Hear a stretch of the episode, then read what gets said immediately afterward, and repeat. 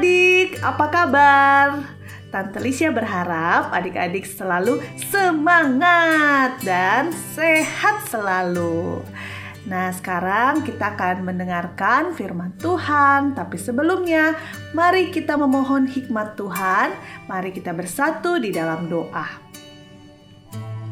Terima kasih Tuhan, kami anak-anakmu selalu merasakan berkat Tuhan, merasakan kasih setia Tuhan. Kami bersuka cita karena setiap hari kami sungguh senang bersama-sama dengan keluarga kami, merasakan kasih sayang, dan kami selalu menerima berkat-berkat dari Tuhan.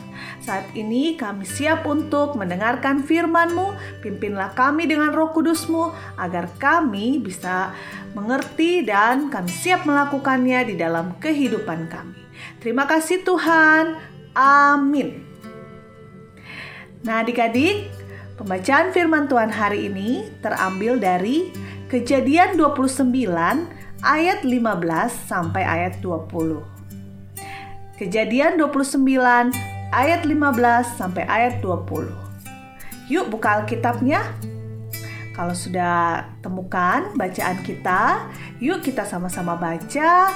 Teman kita Flo akan memimpin kita untuk membacakan firman Tuhan.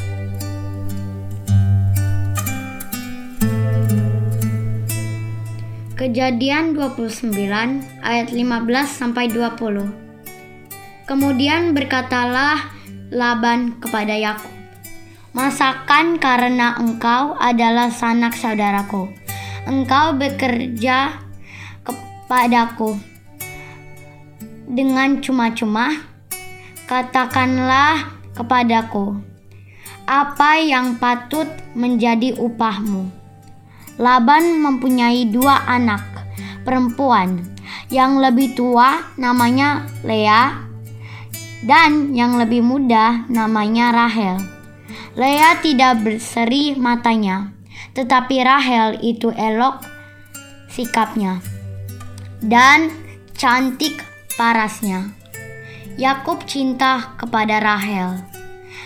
Sebab itu ia berkata, Aku mau bekerja padamu tujuh tahun lamanya untuk mendapat Rahel, anakmu yang lebih muda. Itu sahut Laban. Lebih baiklah ia kuberikan kepadamu daripada kepada orang lain. Maka tinggallah padaku.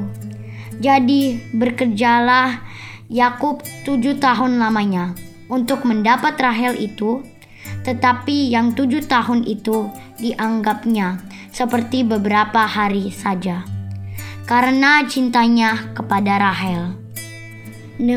Demikianlah pembacaan firman Tuhan.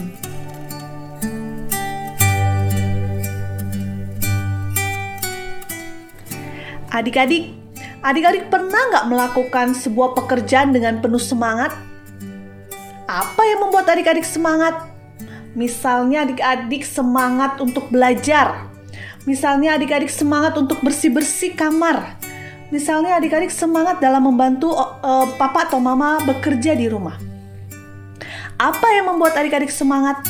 Pasti karena kita punya motivasi. Ada yang mendorong kita untuk melakukannya.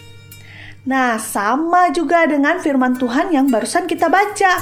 Yakub itu semangat sekali bekerja di rumah pamannya, di tempat pamannya. Pamannya namanya siapa ya tadi? Betul, namanya Laban. Yakub semangat, dia tidak bermalas-malasan, dia bekerja keras mengembalakan kambing dan domba milik pamannya. Karena ketekunan dan kerja kerasnya, kambing dan domba uh, yang dimiliki pamannya itu berkembang biak dengan baik. Wah, bertambah banyak adik-adik. Laban kemudian berniat memberikan Yakub upah karena melihat kerajinan dan kerja keras Yakub. Yakub tidak meminta harta, meminta uang, tapi ia meminta Rahel putri Laban yang paling muda untuk menjadi istrinya. Laban pun menyanggupi dengan syarat Yakub harus bekerja selama berapa lama adik-adik? Betul, tujuh tahun. Dan apa yang terjadi? Yakub bersedia adik-adik. Selama tujuh tahun dia bekerja dengan giat dan bekerja keras sampai-sampai ya saking semangatnya di bekerja. Alkitab tadi bilang apa? Tujuh tahun hanya terasa seperti beberapa hari. Wah, kalau kita mengerjakan segala sesuatu dengan semangat, pasti tidak terasa, ih, sudah selesai.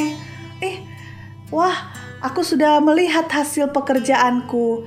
Wah, adik-adik, kita mau ya mencontoh Bapak Yakub yang bekerja keras. Misalnya kita mau kerja keras untuk sungguh-sungguh belajar. Kita mau bekerja keras untuk membantu mama di rumah ya, misalnya cuci piring, membersihkan kamar sendiri.